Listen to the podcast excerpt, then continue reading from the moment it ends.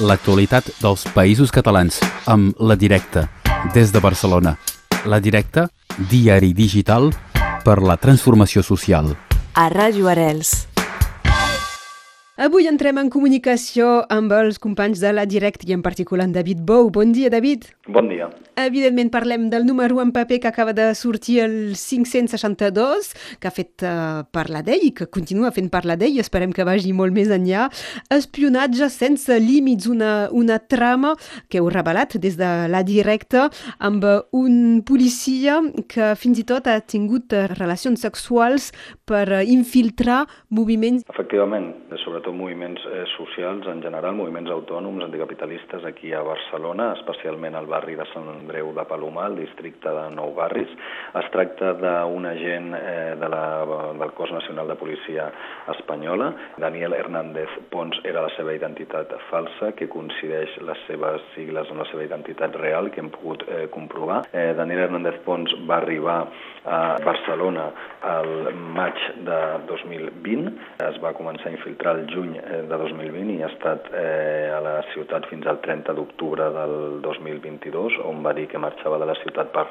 anar amb la seva família a Granada a fer la recollida de l'oliva i posteriorment a Mallorca, el lloc d'on era originari i que hem pogut comprovar que efectivament és originari de la illa de Mallorca, però malgrat aquesta versió eh, que hi va donar els seus entorns de Barcelona per eh, sortir de la ciutat i deixar el que havia estat la seva vida d'infiltrat durant els dos últims anys, nosaltres hem pogut comprovar que realment ell aquests mesos ha estat a la comunitat eh, de Madrid i que ha seguit mantenint contacte amb aquests activistes per tant que ell encara estava en actiu amb el seu eh, rol de policia infiltrat fins al dia que es va publicar aquesta notícia dilluns passat que li vam fer una trucada per demanar-li eh, algun tipus d'explicacions i posteriorment ens va penjar i ja va desactivar diguéssim tant el seu telèfon mòbil com infiltrat com totes les seves xarxes socials. A partir d'aquí, evidentment, eh, sobre el debat eh, de fins on ha, ha d'arribar l'espionatge, quins són els, els, els límits? Efectivament, eh, amb el que hem vist, en aquest cas, té la peculiaritat eh, de que eh, aquest infiltrat, Daniel Hernández Pons, es va valer de la construcció de relacions sexoafectives amb almenys eh, vuit dones que hem pogut recollir testimoni per aconseguir infiltrar-se a determinats espais. Són relacions que nosaltres hem qualificat com a instrumentals, és a dir, el seu eh, objectiu no era les dones amb les que establia una relació sexoafectiva, sinó que el seu objectiu era establir aquesta relació per a partir d'aquí poder accedir a determinats espais, a determinats cercles de confiança que li, permetin, li permetessin recabar informació. D'aquestes vuit dones que nosaltres hem pogut recollir testimonis i, i hem pogut explicar quins patrons de conducta eh, ell seguia per guanyar-se la seva confiança, de les vuit dones, cinc d'elles van presentar dimarts una querella contra aquest agent de la Policia Nacional perquè eh, tant elles com les seves advocades que porten tant la CGT com el centre Iridia qualifiquen, creuen que darrere d'aquest cas d'espionatge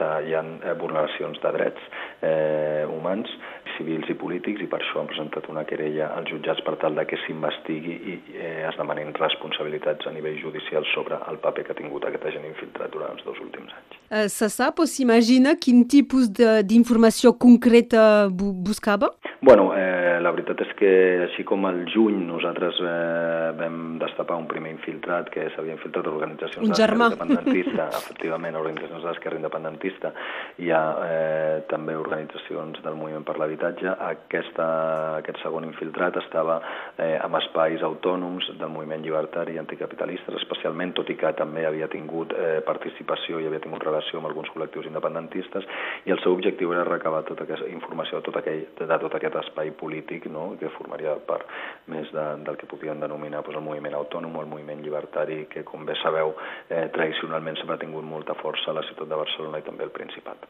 Deia el germà perquè havien agafat els mateixos cognoms, no, em sembla? Efectivament, això és el que ens va posar sobre la pista. Una vegada vam publicar la primera investigació el mes de juny, destapant aquest primer infiltrat, eh, vam, eh, vam, bueno, vam, poder, eh, vam poder constatar que hi havia una persona militant al barri de Sant Andreu amb els mateixos cognoms que ell, que deia que tenia la mateixa procedència que eh, el primer infiltrat, és a dir, que era de Mallorca també, i que havia aparegut, a més, sense haver tingut cap relació prèvia amb tot l'entorn on s'havia infiltrat, que havia aparegut a partir del maig del 2020, que també era la mateixa mate la mateixa data en la que havia aparegut el primer infiltrat amb els llocs on havia, on havia estat eh, durant el seu temps d'infiltració. Per tant, aquestes tres eh, dades, és a dir, la coincidència de la data d'infiltració, eh, la coincidència de l'origen i la coincidència dels cognoms és el que ens van posar sobre la pista i que després ens ha portat durant aquests mesos a fer una llarga i minuciosa investigació per acabar aconseguint les proves que eh, revelen que efectivament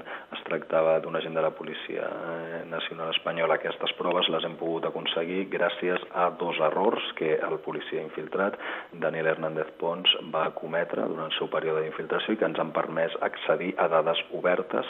sobre el seu pas per l'Escola de Policia d'Àvila, de la Policia Nacional Espanyola, i després sobre eh, la seva vida com a activista aquí a Barcelona. A partir d'aquests dos errors i de tot el material que ens permet recollir, nosaltres finalment vam portar totes aquestes proves eh, gràfiques, totes aquestes imatges del seu pas eh, com a policia per l'Escola Policia d'Àvila i el seu pas com a activista per Barcelona a un pèrit fisionòmic que ens va eh, fer un informe pericial on es concluïa que evidentment era, es tractava de la mateixa persona. Precisament eh,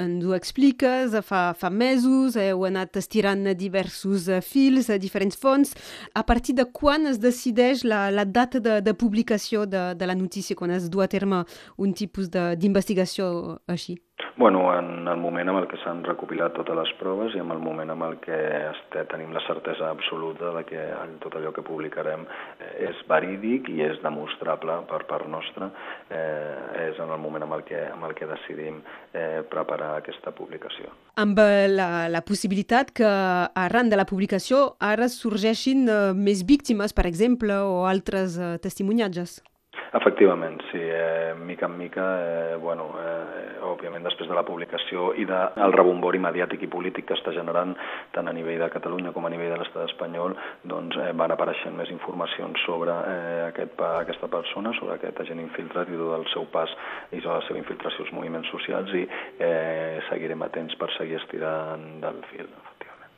Um, vull recordar que la Directa és un mitjà d'informació per a transformació social que heu volgut també xifrar quan costa de fer aquest tipus d'investigació a, a fons i, i de demanar la contribució de, dels lectors. Efectivament, com bé sabeu, la Directa és un mitjà que basa el 70% del seu pressupost en fons propis, bàsicament en les subscripcions i també en alguns serveis eh, externs. Hi ha un percentatge molt petit tant de publicitat com de, com de subvencions, eh, un fet que nosaltres mantenim d'aquesta forma perquè pensem que és la forma de, de tenir eh, independència editorial i de que ningú ens dicti els continguts del que hem de fer i per això també hem demanat en aquesta ocasió el suport de la gent, també xifrant eh, el cost econòmic que ha tingut aquest reportatge, que l'hem xifrat en 10.200 euros, eh, sumant totes les jornades de feina de les persones que hi hem contribuït durant els últims mesos i eh, està havent una reacció eh, molt positiva per part de tota la base social i per, per part de tothom que està podent eh, accedir eh, als continguts d'aquest eh, reportatge que hem deixat des del minut 1 amb obert perquè pensàvem que tenia una rellevància informativa i una rellevància a nivell social que era eh, important que arribés a tothom aquest reportatge d'aquesta notícia i de moment doncs, ja hem recollit eh, més de 8.000 euros d'aquests 10.200 euros no, amb les que havíem xifrat el, el cost del reportatge. Perfecte. Eh, recordem a tothom que forma part de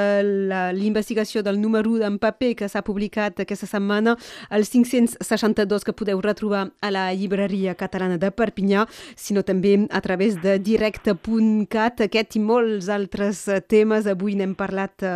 amb el company David Bou. Moltes gràcies, David. Moltes gràcies a vosaltres, com sempre, per aquest espai. Que vagi molt bé. Adéu, bon dia. Bon dia. L'actualitat dels països catalans amb La Directa, des de Barcelona. La Directa, diari digital per la transformació social. A Ràdio Arels.